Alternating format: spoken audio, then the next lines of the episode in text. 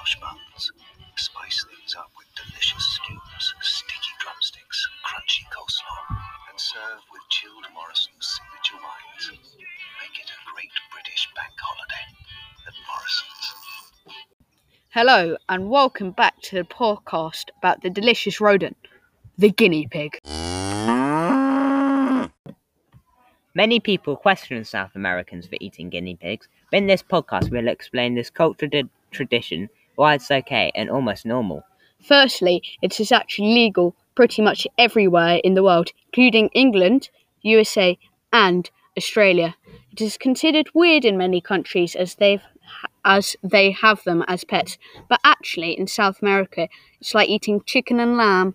If you think about it, we eat chicken, cow, pig, sheep, fish, all of which are sometimes kept as pets. What's the difference if it's a guinea pig?